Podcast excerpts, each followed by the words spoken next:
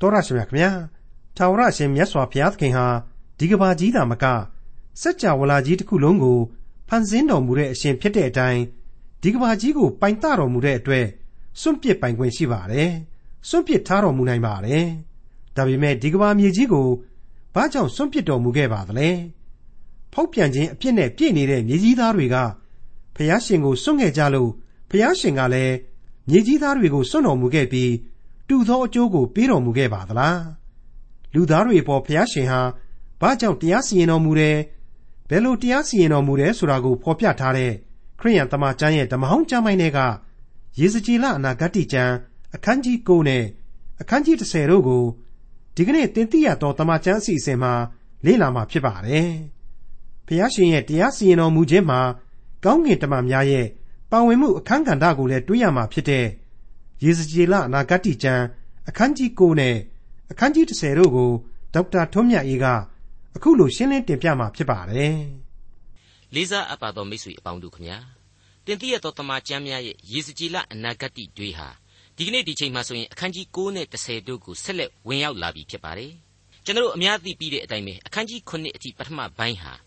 ကျွန်မဖြစ်ခင်ခက်လှမ်းလှမ်းအချိန်ကအကြောင်းတွေပေါ်မှာသာအခြေခံပြီးတော့ အဝေးရောက်ကျွန်ဘဝရောက်ပရောဖက်ကြီးယေစကြည်လဟောပြောခဲ့တဲ့ကျမ်းတွေဖြစ်တယ်။အခုအခန်းကြီး၈ကနေစပြီးတော့ကျွန်မဖြစ်မိကျမ်းတွေရဲ့ပထမကန္တာဟာကုံသွားပြီ။ကျွန်ဘဝတဲကတရွေ့ရွေ့ခြေကျွန်းလာပြီ။ကျွန်ဘဝတဲကိုတရွေ့ရွေ့နဲ့ခြေကျွန်းကြစပြုတ်လာပြီ။နွန်နစ်စပြုတ်လာပြီဆိုတဲ့လက္ခဏာတွေကိုတွေ့ရလိမ့်မယ်ဆိုတာကိုကျွန်တော်ဟာပြီးခဲ့တဲ့သင်ခန်းစာတွေမှာရှင်းလင်းဖော်ပြခဲ့ပြီးဖြစ်ပါတယ်။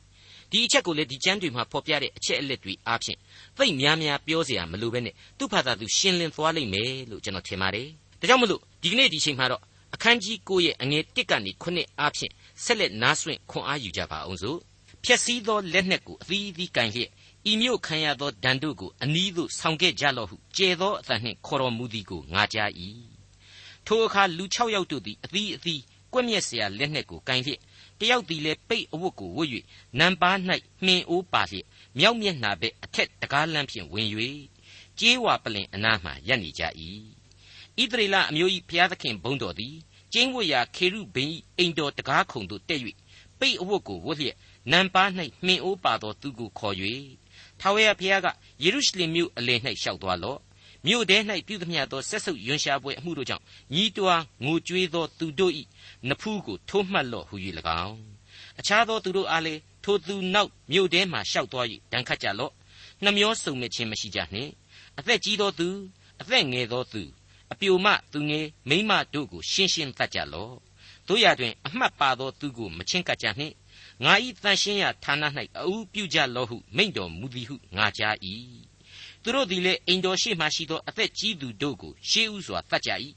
တဖန်တုံအိမ်တော်ကိုညှဉ်းညူးစေ၍ကွက်မြက်သောသူအသေးကောင်တို့နှင့်ဒတိုင်းများကိုပြည့်စီပြီးမှထွက်သွားကြလော့ဟုမိန့်တော်မူသည့်အတိုင်းသူတို့သည်ထွက်၍မြို့ထဲ၌ကွက်မြက်ကြ၏မိတ်ဆွေအပေါင်းတို့ခမညာထူးထူးဆန်းဆန်းကြည့်ပါပဲနော်အခုဒီမှာဖော်ပြတဲ့ဗျာဒိတ်ယူပါယုံတဲကလူ6ယောက်ဆိုတာဟာကျမ်းရဲ့အဖွင့်တုံးကယူပါယုံခန်းစားရတဲ့မြင်ကွင်းတွေကတတ္တဝါ၄ပါးလိုပဲဖြစ်လိမ့်မယ်လို့ကျွန်တော်တွက်ပါတယ်ဒါပေမဲ့ အဲ့ဒီယေဇကျေလအနာဂတိကျမ်းရဲ့ဏိဒံပိုင်းအဖွင့်တုံးကတတ္တဝါ၄ပါးဆိုတာဟာအထူးကောင်းငင်တမန်ကြီးတွေခေရုဘိန်တွေဖြစ်လိမ့်မယ်လို့ကျွန်တော်ဖွင့်ဆိုခဲ့တယ်။အဲ့ဒီ၄ပါးအပေါင်းတို့ရဲ့ရောင်ချီအားလုံးပေါင်းဆက်လိုက်မယ်ဆိုရင်တော့ကယ်တင်ရှင်ရဲ့ဘုန်းတော်ကိုပေါ်ထွန်းစေတယ်ဆိုတဲ့အတိတ်ပဲကိုကျွန်တော်တင်ပြရသောတမန်ကျမ်းဟာဖွင့်ဆိုခဲ့ပြီးဖြစ်ပါတယ်။ဒီကနေ့တွေ့ရတဲ့အခန်းကြီး9ရဲ့လူ6ယောက်ဆိုတာကတော့အခြားသောကောင်းငင်တမန်တွေဖြစ်တယ်လို့ကျွန်တော်တို့ခံယူပါတယ်။ ဣသရေလရဲ့သမိုင်းတစ်လျှောက်နဲ့တကွကပ္ပသမိုင်းအတိတ်မှာကလေးကကောင်းငင်တမန်တွေဆင်းသက်ခြင်းဆိုတာကိုကျွန်တော်လူလောကအတွင်းမှာအကြိမ်ကြိမ်ပဲတွေ့ရတယ်ဆိုတဲ့အကြောင်းဓမ္မသမိုင်းဟာဖော်ပြထားပါတယ်အဲ့တော့ဒီလူ6ယောက်ဆိုတာဟာကောင်းငင်တမန်များကလွဲလို့အခြားဘယ်သူတွေမှမဖြစ်နိုင်ဘူးလို့ကျွန်တော်ဆိုချင်ပါတယ်ဒါဟာဓမ္မသစ်ကာလမှာစတင်ပြီးတော့လူသစ်ဖြစ်လာသောအသင်းတော်နဲ့အရှင်မဆိုင်လူမျိုးတော်နဲ့သာဆိုင်တဲ့အတိတ်ဓမ္မသိင်းဓမ္မသမိုင်းဝင်မြင်ကွင်းများသာဖြစ်တယ် ဒီလိုပဲဘုရားသခင်ဟာကောင်းကင်တမန်တွေကိုမြေပေါ်ကိုဆစ်လွတ်ပြီးတော့အသုံးပြုနေတော်မူတယ်လို့ကျွန်တော်ခံယူပါတယ်ဟုတ်ပါတယ်ပင်တေကုတ်တီပွဲနေမှာပြန်ကြည့်လိုက်မယ်ဆိုရင်ဓမ္မသမိုင်းရဲ့သင်ခန်းစာအသစ်မှာပေါ့ဓမ္မသစ်ဏ္ဍန်မှာပေါ့အသင်းတော်စတင်တည်ထောင်တဲ့အချိန်မှာတန်ရှင်းသောဝိညာဉ်တော်ကိုတော်တိုင်ဆင်းသက်ကြွလာတော်မူတယ်။ကောင်းကြီးပေးတော်မူတယ်ဆိုတာကိုတမန်တော်ဝတ္ထုအရကျွန်တော်တို့ထင်ရှားစွာသိရပါတယ်။အဲ့ဒီအတိုင်းပါပဲ။အနာဂတ်ကာလ အသင်းတော်ကိုကယ်တင်ရှင်သခင်ခရစ်တော်ကိုတော်အတိုင်းသိသိတော်မူမဲ့အချိန်ကြရင်လေခရစ်တော်ကိုတော်တိုင်းကြွလာသိသိမယ်တနည်းပြောရရင်အဓိကဟာကိုတော်တိုင်နဲ့ဝိညာဉ်တော်အဖျင်သိသိခြင်းပဲလို့ကျွန်တော်တို့ယုံကြည်ပါတယ်ကျွန်တော်တို့ကိုသက်သာလောနိဩဝါဒစာရဲ့ဗျာဒိတ်တော်တွေဟာအခုလိုဖော်ပြခဲ့ပါတယ်သက်သာလောနိဩဝါဒစာပထမစာဆောင်အခန်းကြီး၄အငယ်73ကနေ78ကိုပြန်ပြီးတော့ကြည်ပါညီအကိုတို့မျော်လင့်ခြင်းမရှိသောအခြားသူတို့သည်ဝန်းနေသကဲ့သို့သင်တို့သည်ဝန်းမနေမီအကြောင်း အိပ်ပျော်သောသူတို့၏အမှုအရာကိုမသိဘဲနေစေခြင်းဟာငါတို့အလိုမရှိယေရှုသည်သေပြီးမှတဖန်ထမြောက်တော်မူသည်ကိုငါတို့သည်ယုံနှင့်ထိုနည်းတူယေရှု၌အိပ်ပျော်သောသူတို့ကိုလည်းထိုသခင်နှင့်အတူဘုရားသခင်ပို့ဆောင်တော်မူလိမ့်မည်သခင်ဘုရား၏ဗျာဒိတ်တော်အဖျင်တဖန်ငါတို့ဆိုသည်ကားသခင်ဖျားကြွလာတော်မူသောအခါအသက်ရှင်၍ကြံကျွင်းသောငါတို့သည်အိပ်ပျော်ပြီးသောသူတို့၏အရင်အဦးနေရာကြရကြမည်မဟုတ်သခင်ဖျားသည်ကြွေးကြော်ခြင်းကောင်းကင်တမန်မင်းအသံပေးခြင်း ဖျားသခင်၏တဘိုးတော်ကိုမှုတ်ခြင်းနှင့်တကွကောင်းကင်ဘုံမှကိုတော်တိုင်ဆင်းသက်တော်မူ၍ခရစ်တော်၌သေလွန်သောသူတို့သည်အဦးထမြောက်ကြလိမ့်မည်ထိုအခါအသက်ရှင်၍ကြံကျွင်းသောငါတို့သည်အာကာသကောင်းကင်၌သခင်ဖျားထံတော်သို့ရောက်စေခြင်းဟာထိုသူတို့နှင့်တကွမိုးတိမ်ပေါ်သို့ချီဆောင်ခြင်းကိုခံရသောအဖြစ်သခင်ဖျားနှင့်အတူအစင်မပြတ်နေရကြလိမ့်မည်အဲ့ဒီလိုဖော်ပြခဲ့ခြင်းဖြစ်ပါလေဒီဖော်ပြချက်တဲ့ကောင်းကင်တမန်မင်းအသံပေးခြင်းဆိုတာဟာတခြားမဟုတ်ဘူး လာဇရုမင်းသင်္ချိုင်းတွင်ကထွက်ခဲ့ဆိုတဲ့ကယ်တင်ရှင်ရဲ့အသံတော်သာလျှင်ဖြစ်တယ်သူများဝိုင်းပြီးတော့ကြုံယုံអော်တဲ့အသံမျိုးမဟုတ်ဘူးကယ်တင်ရှင်သခင်ခရစ်တော်ကိုတော်တိုင်ရဲ့အမိန့်တော်ပဲလို့ကျွန်တော်အတိတ်ပဲဖွင့်ဆိုခဲ့ပြီးဖြစ်ပါတယ်မိတ်ဆွေအပေါင်းတို့တစ်ချိန်တည်းမှာပဲခရစ်တော်ရဲ့ကပ်ကာလတရားစီရင်ခြင်းနဲ့ကောင်းကင်နိုင်ငံတော်မြေပေါ်မှာတည်ထောင်ခြင်းမှာကြတော့ကောင်းကင်တမန်တွေကိုသခင်ဟာရှေးဦးပထမစေလွတ်ထားနှင်ပါလိမ့်မယ် ဒီအကြောင်းကိုတော့ရှင်မသက်ခရစ်ဝင်ကျမ်းအခန်းကြီး73အငယ်36ကနေ42အတွင်းမှာအခုလိုကျွန်တော်တို့ပြန်ပြီးတော့တွေ့နိုင်ပါတယ်တောမျိုးစေ့ကိုကျဲသောသူကရန်သူကမာနဖြစ်၏စပားရိတ်သောကာလကဤကဘာကုံသောကာလဖြစ်၏စပားရိတ်သောသူကကောင်းကင်တမန်ဖြစ်၏တောပင်တို့ကိုရွေးနှုတ်၍မိရှုတကဲ့သို့ဤကဘာအဆုံး၌ဖြစ်လက်တ လူသားသည်မိမိကောင်းကင်တမန်တို့ကိုဆေလွတ်ပြီးလျင်မှားယွင်းစေသောသူတို့နှင့်မတရားသောအမှုကိုပြုသောသူရှိသမျှတို့ကိုနိုင်ငံတော်တဲကရွေးနှုတ်၍ငိုကြွေးခြင်းအံသွားခဲကြိတ်ခြင်းရှိရာမိဘုံ၌ခြားကြလက်တံထိုအခါဖြောက်မတ်သောသူတို့သည်နေထွန်းလင်းတကဲ့သို့မိမိတို့အဖအီနိုင်ငံတော်၌ထွန်းလင်းကြလက်တံကြားเสียနားရှိသောသူမြည်သည်ကကြားပါစေတဲ့အဲ့ဒီအတိုင်းပါပဲ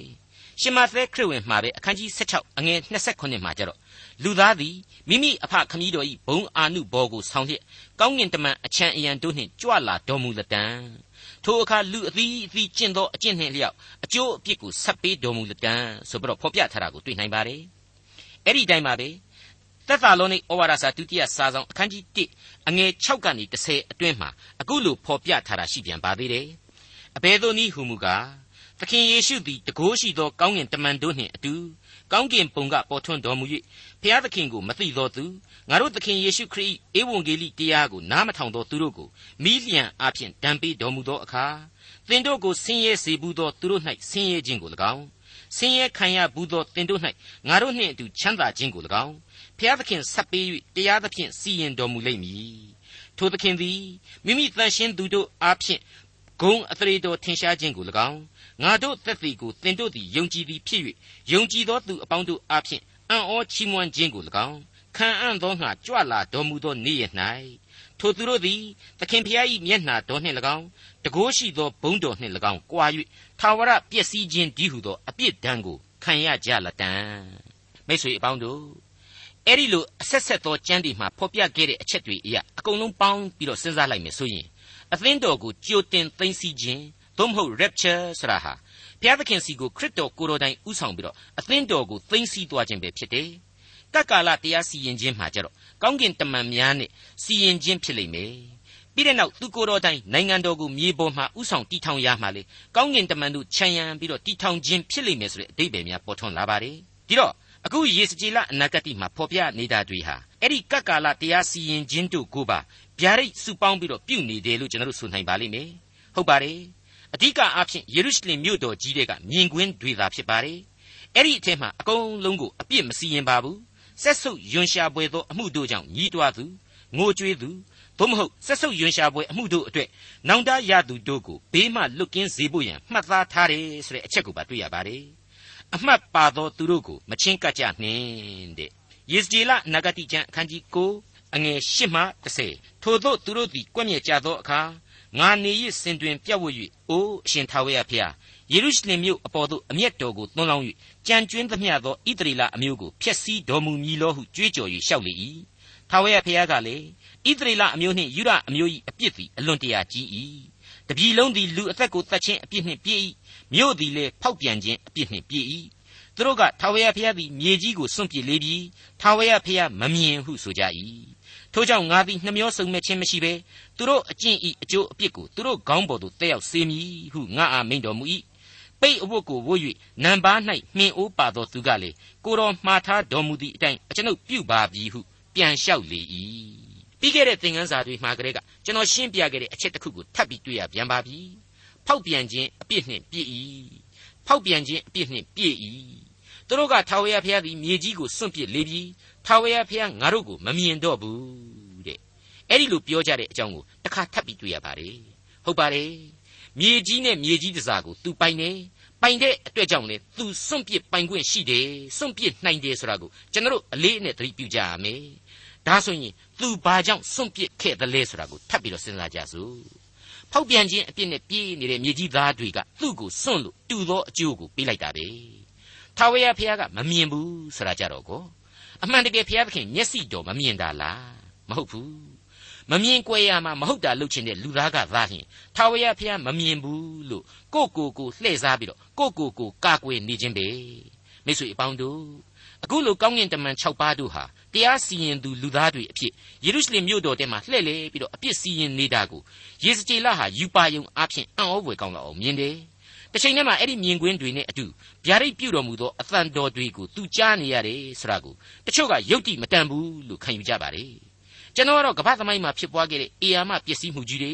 အနိဋ္ဌာယုံဖြစ်စဉ်ကြီးတွေကိုတွေးမိတိုင်းယုတ်တိရှိယုံသာမကပဲတစ်ဖက်ကန်းကိုတောင်မှလွန်နေသေးတယ်မျက်မှောက်ခေကျွန်တော်တို့လူအဖွဲ့အစည်းနဲ့တကွအနာဂတ်ကာလသမိုင်းအတွက်ပါရေစကြည်လရဲ့ခန်းစားရယူပါယုံတွေဟာခြောက်လှန့်နေတယ်သတိပေးနေတယ်နောင်တရဖို့အစဉ်အမြဲတိုက်တွန်းအားပေးနေတယ်လို့လေးနဲ့တင်ပြလိုက်ပါတယ် အခုအချိန်မှာတော့ရေစကြည်လအနာဂတိကျမ်းအခန်းကြီး30ကိုဆက်လက်တင်ပြသွားလိုပါတယ်အခန်းကြီး30အငယ်1မှ3တဖန်ငါကြည့်ရှု၍ခေရုဘိန်ဤခေါင်းတို့အထက်မိုးမျက်နှာချက်၌နီလာကြောက်ကဲ့သို့ရာဇပလင်ဤသရံအယောင်သည်ထင်ရှား၏ပိတ်အဝတ်ကိုဝတ်သောသူအားလေယထာဘိန်းတို့အကြမှာခေရုဘုံခေရုဘိန်အောက်သို့ဝင်လော့ခေရုဘိန်အကြမှာရှိသောမိခဲတို့ကိုလက်နှစ်ဖက်နှင့်ကြုံကြည့်လျင်မြို့အပေါ်မှဖြန့်ကျဲလော့ဟုမိန့်တော်မူသည့်အတိုင်းထိုသူသည်ငါမျက်မှောက်၌သွား၏ ဝင်သောအခါခေရုဘိန်တို့သည်အိမ်တော်လက်ရဘက်မှရပ်၍အတွင်းတိုင်းသည်မိုးတိမ်နှင့်ပြည့်၏လူကိုခန္ဓာကတော့ကျွန်ခံရဘာပုလုံမှရှိနေတာအမှန်ဒါပေမဲ့ဘုရားသခင်ရဲ့ဝိညာဉ်တော်ပို့ဆောင်တော်မူခြင်းအပြင်ယေစကြည်လရဲ့ဝိညာဉ်မျက်စိတွေဟာယေရုရှလင်မြို့တော်ကြီးစီမှာတွားပြီးတော့မှီတွယ်နေတယ်ဆိုတာကိုကျွန်တော်တို့ရှင်းလင်းပြသစွာခံယူထားပါတယ်အခုဆိုရင်ဒီလောက်အထိပဂရိအခြေအနေမှန်နဲ့ဝေးကွာနေရမြို့တော်ကြီးကအကြောင်းတို့ကို ယေစကြည်လဟာဘာဘူးလုံကျွန်းအတိုင်းအဝိုင်းစီကိုတဆင့်ပြန်ပြီးတော့ဖောက်တယ်ချနေနိုင်ပြီလို့ကျွန်တော်ခံယူပါတယ်ဘုရားသခင်ဘုန်းတော်ဟာခေရုဗိန်တို့ရဲ့အပေါ်မှာရှိတယ်တန်ရှင်းရဌာနတော်ကအတန်ရှင်းဆုံးသောပလင်တော်တီးရာခေရုဗိန်တို့ကြားမှာလည်းတည်ရှိနေတယ်ဘုရားသခင်ရဲ့စီရင်တော်မူခြင်းတွေကိုတော့ယထာဘိန်းတို့ဤမယမနာလက်ပတ်ခြင်းတို့အဖြစ်ဆက်လက်ပြီးတော့တရုတ်ဆောင်ဖော်ပြပေးနေပါတယ်မိတ်ဆွေအပေါင်းတို့ လူမျိုးတော်ဣသရီလာဆရာဟာဘုရားသခင်ရဲ့ဘုန်းတော်ရောင်းဝါကိုကျွန်တော်အသင်းတော်တွေတဲ့ပို့ပြီးတော့လက်တွေ့ကြကြထိတွေ့ရခဲ့တဲ့လူအဖွဲ့အစည်းပဲအထူးအခွင့်အရေးရခဲ့တဲ့လူအဖွဲ့အစည်းကြီးပဲလို့ကျွန်တော်ဆိုချင်ပါတယ်ဟုတ်ပါတယ်ရွေးကောက်တော်မူသောလူမျိုးတော်ရဲ့အထူးအခွင့်အရေးတွေကိုယောမဩဝါဒစာအခန်းကြီး9မှာအချက်၈ချက်နဲ့တမန်တော်ကြီးဖော်ပြထားခဲ့ပါတယ်။အဲ့ဒီအချက်တွေထဲမှာတော့ဘုံတော်ကိုကိုယ်တိုင်ဖူးမြော်ရခွင့်ရှိခဲ့တယ်။ အခုယေစကြည်လဟာဆိုရင်အဲ့ဒီဘုံတော်ကိုသူ့ရဲ့အနာဂတိစမှာအစမှာကလေးကတသမတ်သေးဖူးတွေ့နေခဲ့ရကြောင်းတွေ့နေရပြီမဟုတ်ဘူးလား။ဘယ်လိုပဲပြောပြောပါကျွန်တော်ကမ္ဘာလူသားများဟာဘုံတော်ကိုလူမျိုးတော်ခံစားရတဲ့ပုံစံမျိုးနဲ့မဟုတ်ပေမေယုံကြည်ခြင်းရှိမယ်ဆိုရင်ရှိသလောက်နားလေထိတွေ့ခံစားနိုင်တယ်မိမိတို့ရဲ့ဝိညာဉ်ခွန်အားပေါ်မှာမူတည်ပြီးတော့ဘုရားသခင်ရဲ့ဘုန်းတော်ကိုနားလေထိတွေ့နိုင်ပါတယ်အသက်ရှင်တော်မူသောအဖဘုရားသခင်ရဲ့အသက်ရှိခြင်း ဒီရေဒီမြေဒီလေဒီဩကာသလောကကြီးထဲမှာတည်နေတော်မူခြင်းဆိုတာကိုယုံကြည်ခြင်းနှလုံးသားနဲ့နားလေနိုင်တယ်လို့သူ့ရဲ့နက်နဲစွာစီရင်ဆုံးဖြတ်တော်မူခြင်းအကြောင်းတွေကိုလေလူတိုင်းလူတိုင်းတို့ဟာကိုယ့်အသက်တာအတွေ့အကြုံများနဲ့နှိုင်းဆပြီးတော့ခန်းစားထိတွေ့နိုင်တယ်လို့ကျွန်တော်ပြောချင်ပါတယ်အခုဆိုရင်ယေရုရှလင်ဗိမာန်တော်ကအသန့်ရှင်းဆုံးသောပလင်တော်ရဲ့အထက်မိုးကောင်းကင်မှာဘုန်းတော်ဟာထင်ရှားနေတယ်လို့ဘဗိမာန်တော်ရဲ့ပလင်တော်နဲ့ခေရုဗိမ်တို့ကြားမှာတည်နေတယ် ဒါပေမဲ့အဲ့ဒီဘုံတော်ဟာကဲတင်ခြင်းကိုမဖော်ပြပါဘူးတရားစီရင်ခြင်းကိုပဲဖော်ပြပါတယ်ဟုတ်ပါတယ်သိမ်မွေ့စွာနဲ့အသွေးတော်ကိုဖြန့်ပယ်ပြီးအပြစ်မှလွတ်စေခြင်းအကြောင်းကိုမဖော်ပြပါဘူးပိတ်အဝတ်ကိုဝတ်ထားတဲ့ကောင်းကင်တမန်ကခေရုဗိမ်တို့ဝင်ရန်ထားတဲ့ယထာဘိမ်အောက်ကိုဝင်ရောက်ရတယ်မိခဲတို့ကိုကြုံပြီးတော့ယေရုရှလင်မြို့တော်ကြီးကိုဖြန့်ကျဲပေးရတယ်ဆိုတာကိုရှင်းနေအောင်ဖော်ပြထားပါတယ်ဒါဟာတရားစီရင်တော်မူခြင်းကိုတိတိကျကျဖော်ပြလိုက်တာပါပဲအဲ့ဒီစီရင်ခြင်းဆိုတာဟာလေနော် လောကလူသားတို့ရဲ့တရားစီရင်ခြင်းမျိုးနဲ့အရှင်းမတူဘူးအဖဖျားသခင်ရဲ့အပြစ်တရားအလျောက်လူသားအပေါ်မှာစီရင်ခြင်းယေရုရှလင်မြို့တော်ဆိုတာဟာဓမ္မသမိုင်းအရာကမ္ဘာလောကနဲ့လူအဖွဲ့အစည်းဒီတစ်ခုလုံးရဲ့ဗဟိုချက်မှအဖြစ်ဘုရားသခင်သတ်မှတ်ထားတယ်။ကကာလစီရင်ခြင်းမှာဗဟိုချက်မှအရာဒေသအဖြစ်ဒီယေရုရှလင်မြို့တော်ကြီးဟာတည်နေမှာဖြစ်တယ်လို့ကောင်းကင်နိုင်ငံတော်မြေပေါ်မှာတည်ထောင်ခြင်းမှာလေခရစ်တော်ကိုယ်တော်တိုင်ယေရုရှလင်ကိုဗဟိုပြုပြီးတော့နိုင်ငံတော်ကိုအုပ်ချုပ်သွားမှာဖြစ်ပါတယ်။ ယေဇကျေလနာဂတိကျမ်းအခန်းကြီး30အငယ်၄မှ8ထာဝရဘုရား၏ဘုန်းတော်သည်ခေရုဗိမ်အပေါ်ကအိမ်တော်တကားခုံအထက်သို့တက်ရွှေ့၍အိမ်တော်သည်မိုးတိမ်နှင့်ပြည့်၏တတိုင်းသည်လည်းထာဝရဘုရား၏ဘုန်းတော်အယောင်နှင့်ပြည့်၏အနန္တတကုရှင်ဘုရားသခင်မိမ့်မွက်တော်မူသောအသံကဲ့သို့ခေရုဗိမ်အတောင်တို့၏အသံကိုကြားရ၏ပိတ်အဝတ်ကိုဘို့သောသူအားလည်းယထာဘိန်းအကြားတွေကမိကိုယူလောဟုမိန့်တော်မူသောအခါထိုသူသည်ဝင်၍ဘိန်းတို့အနား၌ရပ်နေ၏ ခေရုဗိန်တပါးသည်ခေရုဗိန်စုတဲကလက်ကိုဆန့်၍ခေရုဗိန်အကြားမှရှိသောမိကိုယူပြီးလျှင်ပိတ်အဝတ်ကိုဝတ်သောသူလက်၌ထည့်၏ထိုသူလည်းခံယူ၍ထွက်သွား၏ခေရုဗိန်အတောင်အောက်၌လူလက်ကိုလည်းငာမြင်၏ခေရုဗိန်ရဲ့အပေါ်အိမ်တော်တကခုံအထက်သို့တက်ရွှေ့၍အိမ်တော်သည်မိုးတိမ်နှင့်ပြည့်၏တဲ့မိတ်ဆွေတက်ရွှေ့တယ်ဆိုကြတဲ့ကဒါဟာကောင်းတဲ့လက္ခဏာလို့ပြောလို့မရပါဘူးနော် စောစောတုန်းကမိခဲတွေနဲ့စီရင်ခြင်းအကြောင်းကိုပြောခဲ့တယ်ဟောအခုအချိန်ကျတော့ဘုရားသခင်ပလင်တော်မှာဘုရားသခင်ဘုန်းတော်ဟာမတီမနေလိုတော့ဘူးဆိုတဲ့သဘောပဲဖြစ်ပါတယ်ပြီးတဲ့နောက်မှာတော့မိခဲများကိုခေရုဗိန်တပါးဟာယူပြီးတော့ကောင်းကင်တမန်ဖြစ်တဲ့ပိတ်အဝတ်နဲ့လူရဲ့လက်ထဲကိုထပ်ထည့်ပေးတယ်စီရင်တော်မူခြင်းအကြောင်းကိုပဲတကြော့ပြန်ပြီးတော့ပြော့ပြလိုက်တယ်နဲ့အတူတူပဲဖြစ်နေပြီမဟုတ်ဘူးလားမိတ်ဆွေ ဒါဟာဘုရားသခင်ရဲ့တရားစီရင်ခြင်းဆိုတာဟာအပြစ်လောကအတွက်အပြစ်လောကကြီးအတွက်ရှိကိုရှိမှဖြစ်တဲ့အကြောင်းအတိပြုပေးလိုက်ခြင်းပဲလို့ကျွန်တော်ဆိုချင်ပါတယ်ခေရုဗိန်အတောင်အောက်၌လူလက်ကိုငာမြင်၏အဲ့ဒါဟာအထူးသတိထားရမယ့်အချက်ပဲဒါဟာဘုရားသခင်တရားစီရင်စေသောလက်တော်လို့ကျွန်တော်တို့ခံယူနိုင်ပါတယ်16ခုမြောက်သောဆာလံအစမှဆိုရင်လက်တော်နှင့်ပြည့်စုံတော်မူခြင်းကျေးဇူးဂရုဏာတော်အကြောင်းကိုအခုလိုကျွန်တော်တို့တွေ့ရပါတယ်မိုးကောင်းကင်သည် ဘုရားသခင်၏ဘုန်းအထရေတော်ကိုကြားပြော၍မိုးမြင့်တဲ့ချက်သည်လက်တော်နှင့်လှုပ်သောအရာများကိုပြသ၏တနေ့ကိုတနေ့မွဲ့ဆို၍တညကိုတညသွန်သင်၏နှုတ်မွက်ခြင်းစကားပြောခြင်းမရှိသူတို့နှုတ်ထွက်သံကိုမကြားရတော့လေသူတို့၏အသံသည်မြေတပြင်လုံး၌နှံ့ပြား၍သူတို့၏စကားသည်မြေကြီးစွန်းတိုင်အောင်ရောက်လေ၏တဲ့အဲ့ဒီတိုင်ပါပဲစัจ java လာအနန္တကိုလက်ညှိုးတော်အလုတ်ရဲ့ရလတ်အဖြစ်ဆာလံဆရာဟာဆက်လက်ဖော်ပြထားပြန်ပါသေးတယ် ပြီးတဲ့နောက်မှာတော့ထွမြောက်ရာကျမ်းမှာလူမျိုးတော်ကိုလက်ယုံတော်နဲ့ပို့ဆောင်တော်မူတယ်ဆိုတာကိုကျွန်တော်သိနာလေခန်းစားခဲ့ကြပြီဖြစ်ပါတယ်အခုအချိန်မှကျတော့ခေရုဗိန်အတောင်အောက်မှာလူလက်ကိုမြင်ရတယ်တဲ့ဖျားသခင်ရဲ့ကျေးဇူးပြုတော်မူခဲ့တဲ့လက်တော်တော့မှန်တယ်ဒါပေမဲ့ဘုံတော်ရဲ့လက်တော်ပုံစံမဟုတ်ဘူးကျေးဇူးပြုတော်မူမဲ့လက်တော်ရဲ့ပုံစံမဟုတ်ဘူးအခုပေါ်ထွက်တာကတော့လူလဲတဲ့မှန်တယ်အပြစ်လူသားတွေအတွက်တန်ရတန်ရဖော်ကျူးချက်ပဲ လူလဲဆိုပြီးတော့ဘုရားသခင်ဖော်ပြပေးလိုက်ပါတယ်ယေစကြည်လအနာဂတိကျမ်းအခန်းကြီး30အငယ်6မှ18ငါကြည့်ရှု၍ခေရုဗိန်တို့အနားမှာယထာဘိန်တစ်ခုစီရှိ၏ဘိန်တို့သည်ကြောက်မြဲ့ရွယ်၏အစင်းအယောင်ရှိ၏ဘိန်းလေးခုတို့သည်ပုံတရံတညီသည်ရှိ၍ဘိန်းတစ်ခုအထက်၌ဘိန်းတစ်ခုတက်ပြီးတကဲ့သို့ရှိ၏သွားသောအခါဘိန်းလေးမျက်နှာတညီတည်းနေ၍မလှဲ့ဘဲသွားတတ်ကြ၏ခေါင်းမျက်နှာပြူသောဘက်သို့လိုက်၍မလှဲ့ဘဲသွားကြ၏ ဘိန်းလေးခုနှင့်တကွခေရုဘိန်လေးပါးတို့သည်ကြောလက်အတောင်မှစပြီးတကိုယ်လုံးမျက်စိနှင့်ပြည့်ကြ၏ထိုဘိန်းတို့ကိုစက်ကြာဟုသောအမည်ဖြင့်သမုတ်တီကိုငါကြား၏ခေရုဗိန်တို့သည်မျက်နှာလေးခုစီရှိ၍ပထမမျက်နှာသည်ခေရုဗိန်မျက်နှာဒုတိယမျက်နှာသည်လူမျက်နှာတတိယမျက်နှာသည်ရှင်သေမျက်နှာသရုတ်ထမျက်နှာသည်ရွှေလင်းဒမျက်နှာဖြစ်၏ထိုခေရုဗိန်တို့သည်ခြီကြွလျက်ရှိကြ၏ဤသည်ကခေပါမြင်နာမှငါမြင်ဘူးသောတတ္တဝါပေတည်း ခေရုဗိန်တို့သည်သွားသောအခါဘိန်တို့သည်ထက်ကျက်လိုက်ကြ၏ခေရုဗိန်တို့သည်မြေကြီးမှတက်အံ့သောငါအတောင်ကိုဖြန့်သောအခါဘိန်တို့သည်မကွာဘဲလိုက်ကြ၏သူတို့ရက်သောအခါဘိန်းတို့သည်ရက်ကြ၏သူတို့သည်မြေကြီးနှင့်ကွာ၍တက်သောအခါဘိန်းတို့သည်လည်းထက်ကြက်လိုက်၍တက်ကြ၏အကြောင်းမူကားတတ္တဝါတို့ဤဝိညာဉ်သည်ဘိန်းတို့၌ရှိ၏ကဲယေစကြည်လာဆိုတဲ့ပရောဖက်ဟာဒီလိုယူပါယုံနဲ့ဗျာဒိတ်တော်အသံတို့ကို ခေပါမြင်နာမှာလေတစ်ချိန်တုန်းကမြင်ခဲ့ရကြားခဲ့ရတယ်အခုချိန်မှဆိုရင်ဝိညာဉ်တော်ပို့ဆောင်တဲ့ယေရုရှလင်မှာတစ်ခါထပ်ပြီးတော့မြင်ရပြန်ပြီကြားရပြန်ပြီအတိတ်ကသင်ခန်းစာမှာကလေးကတတ္တဝါ၄ပါးဆရာဟာခေရုဗိန်၄ပါးကိုပြောခဲ့တာပဲဆိုတာကိုကျွန်တော်ရှင်းပြခဲ့ပြီးပါပြီနော်အမှတ်တမဲ့ဆိုရင်တော့တတ္တဝါဆိုတော့အနေစားတတ္တလောကလို့ရောရောင်ပြီးတော့ထင်เสียရှိနေပါတယ်အမှန်ကတော့၄ပါးလို့ဖော်ပြထားပါတယ်၄កောင်လို့ဖော်ပြမထားပါဘူး အင်္ဂလိပ်က living creatures လို့ဖော်ပြထားပါတယ်ပြီးတော့ဘုရားသခင်ကဖန်ဆင်းပြီးတော့တရုတ်ခွဲဖော်ပြတဲ့အဆင့်မြင့်တမန်တော်ကြီးများသာဖြစ်တယ်ဆိုတာကိုကျွန်တော်တို့ခံယူထားဖို့လိုပါတယ်အဲ့ဒီတတ္တဝါ၄ပါးတို့ဟာလေခရစ်ဝင်ကြံကြီး၄စုကဖော်ပြနေတဲ့ခရစ်တော်ရဲ့ဘုရင်ဖြစ်ခြင်းအစေခံဖြစ်ခြင်းလူစားတိကိုနှိမ့်ချစွာခံယူခြင်းဖျားသခင်ဤသားတော်ဖြစ်ခြင်းစတဲ့အချက်တွေကိုရှင်းလင်းပြတ်သားစွာဖော်ပြနေတယ်လို့ကျွန်တော်တင်ပြခဲ့ပြီးဖြစ်ပါတယ်အဲ့ဒီခေရုဗိန်အပေါင်းတို့ဟာ ဖျားသခင်တိဆောက်ခဲ့တဲ့တဲတော်တဲကဗြိညင်သစ်တာတော်သို့မဟုတ်ဘုရားသခင်ကျင်းဝတ်ရာပလင်တော်ကိုစောင့်ကြပ်ကြည့်ရှုစေဖို့ရန်တိဆောက်ပေးထားရတယ်ဆိုတာကိုလေကျွန်တော်တို့ဓမ္မဟောင်းကျမ်းအဆက်ဆက်မှာတွေ့ကြကြပြီးသားပါအဲ့ဒီကျင်းဝတ်ရာပလင်တော်ကိုလူသားယစ်ပရောဟိတ်မင်းကြီးဟာရစ်ကောင်ရဲ့အသွေးတော်နဲ့ဖြန့်ပဲ့ပြီးတော့လူသားတို့ရဲ့အပြစ်ကိုပြေစေအောင်တာဝန်ယူပေးရတယ်ဆူတောင်းပေးရတယ်ဆိုတာတွေ့ကိုလေအဲ့ဒီအတိတ်သင်ခန်းစာတွေမှာပဲရှင်းလင်းပြတ်သားစွာတွေ့ကြရပြီဖြစ်ပါတယ်ဟုတ်ပါတယ် အဲ့ဒီအတိတ်ကအသွေးတော်နဲ့ဖြန့်ပက်ပြီးတော့အပြစ်ပြေစေရတဲ့ဖြစ်စဉ်တွေအကုန်လုံးတို့ဟာခရစ်တော်ရဲ့ကားတိုင်တော်ပေါ်မှာအသေးခံတော်မူခြင်းအပြင်ပြီးဆုံးပြည့်ဝစုံလင်ခြင်းသို့ရောက်ခဲ့ပါပြီခရစ်တော်အပြင်အသွေးနဲ့ဖြန့်ပက်ရာပလင်တော်ဟာကျေးဇူးနဲ့ဂရုဏာပလင်တော်ကိုဖြစ်ပေါ်စေခဲ့ပါပြီ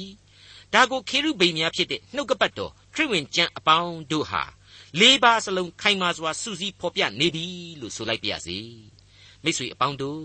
အတိတ်ကာလကတည်းကပင်ဖြင့်ဘုရားသခင်ဟာခရစ်တော်ရဲ့အသွေးတော်အဖြစ်လူသားတို့ရဲ့အပြစ်ဒုစရိုက်တွေကိုရွေးချယ်ပေးမယ်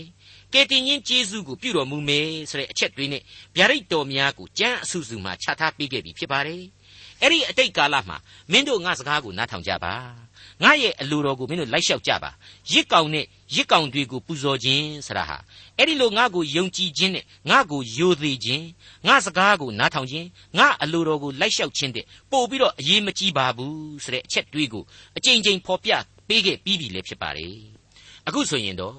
ဣသရေလလူမျိုးတော်ဆရာဟာဗိမာန်တော်မှာအခြားသောနတ်ဖျားတွေကိုယူလာတဲ့အထိအပြစ်တွေကျူးလွန်ခဲ့ကြပြီးပြီဖျားသခင်ကိုတော်လှန်ခဲ့ကြပြီ ဖျားသခင်ရဲ့အလိုတော်ဖျားသခင်ရဲ့စကားတော်ကိုနားမထောင်ဖျားသခင်ကိုပြန်လဲတော်လှန်ပုန်ကန်တဲ့အထိမိုက်မှားခဲ့ကြပြီးပြီဆိုတာတွေ့ကိုကျွန်တော်နှုတ်ကပတ်တော်ဟာကျွန်တော်ကိုရှင်းလင်းပြတ်သားစွာဖော်ပြခဲ့ပြီးပြီဖြစ်ပါတယ်ဓမ္မသမိုင်းဟာလေဒီအချက်ကိုကျွန်တော်ကိုလက်ညှိုးထိုးဖော်ပြခဲ့ပြီးပြီဖြစ်ပါတယ်အဲ့ဒီလိုအပြစ်ကျူးလွန်ခြင်းများရဲ့အဖို့အခကိုလူသားအပေါင်းတို့ဟာသမိုင်းတွင်လောက်အောင်ကြီးမားစွာသောဆုံးရှုံးမှုကြီးများနဲ့ပေးဆက်ဖို့ရန်အတွက်အချိန်စေနေပြီကြွေးတင်ကျွန်းဖြစ်နွန်နစ်တဲ့အဆင့် အသက်ပေါင်းများစွာစရေပြီးမှပေးဆက်ရမယ့်အဆင့်ပဲဖြစ်နေတယ်ဆိုတာကိုသမိုင်းမှတ်တမ်းများနဲ့ရှင်းပြီးတော့ကျွန်တော်ခံယူနားလည်နိုင်ပါတယ်သင်ခန်းစာရယူနိုင်ပါတယ်ယေဇေလနဂတိကျမ်းအခန်းကြီး30အငယ်16မှ22ထိုအခါထာဝရဘုရား၏ဘုန်းတော်သည်အိမ်တော်တကားခုံမှရွှေ့၍ခေရုဗိမ်အပေါ်မှတည်လေ၏ထိုခေရုဗိန်တို့သည်ငါမျက်မှောက်၌အတောင်ကိုဖြန့်ပြီးလျှင်မြေကြီးနှင့်ကွာ၍တက်ကြ၏ပြင်သို့ထွက်သောအခါဘိန်းတို့သည်လိုက်ကြ၏ ထာဝရဘုရား၏အိမ်တော်ရှိတကဝမှရက်၍ဣသရေလအမျိုး၏ဘုရားသခင်ဘုန်းတော်သည်သူတို့အပေါ်မှတည်လျက်ရှိ၏ဤသည်က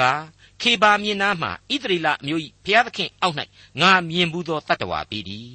ခေရုဗိန်ဖြစ်သည်ကိုလည်းငါသိ၏သူတို့သည်မျက်နှာလေးခုစီအတောင်လေးခုစီရှိ၍အတောင်အောက်၌လူလက်သဏ္ဍာန်ရှိ၏မျက်နှာပုံကခေပါမြင်နာမှငါမြင်ဘူးသောမျက်နှာနှင့်တူ၏ကိုအဆင်းအယောင်နှင့်တူ၏ထိုသူလေးပါးတို့သည် တဲ့တဲ့သွားတတ်ကြ၏ထာဝရဘုရားရဲ့ဘုန်းတော်ရောင်းဝါဟာဗိမာန်တော်ကြီးအပေါ်ကနေတရွေ့ရွေ့နဲ့အထက်ကိုတက်ပြီးတော့ရွေ့လျောနေတယ်ဗိမာန်တော်ကိုစွန့်ခွာသွားနေတယ်ဆိုတာကိုကျွန်တော်မြင်နေရပါပြီယေဇကျေလမှတဆင့်ပေးအပ်ခဲ့တဲ့ဗျာဒိတ်တော်တို့ဟာအတိတ်ဤသစ္စာတရားများအဖြစ်လူမျိုးတော်ကြုံခဲ့ရသလိုပြစ္ဆုတ်ပန်တဲ့အနာဂတ်ကာလလူသမိုင်းအတွက်လေသစ္စာတရားများသာဖြစ်တဲ့အကြောင်းမမေ့ကြဘူးဆိုရင်တောင်းမှ အဲ့ဒီမမေ့တဲ့ဝိညာဉ်လူသားတို့အဖို့မင်္ဂလာတပါးဖြစ်စေလိမ့်မယ်လို့ကျွန်တော်တင်ပြလိုက်ပါရစေဒေါက်တာထွန်းမြတ်ရေးစီစဉ်တင်ဆက်တဲ့တင်ပြတော်တမချန်းအစီအစဉ်ဖြစ်ပါတယ်နောက်တစ်ချိန်အစီအစဉ်မှာခရိယန်တမချန်းရဲ့ဓမ္မဟောင်းကျမ်းပိုင်းတွေကယေဇကျေလအနာဂတိကျမ်းအခန်းကြီး7နဲ့အခန်းကြီး7တို့ကိုလေ့လာမှာဖြစ်တဲ့အတွက်စောင့်မျှော်နားဆင်နိုင်ပါတယ်။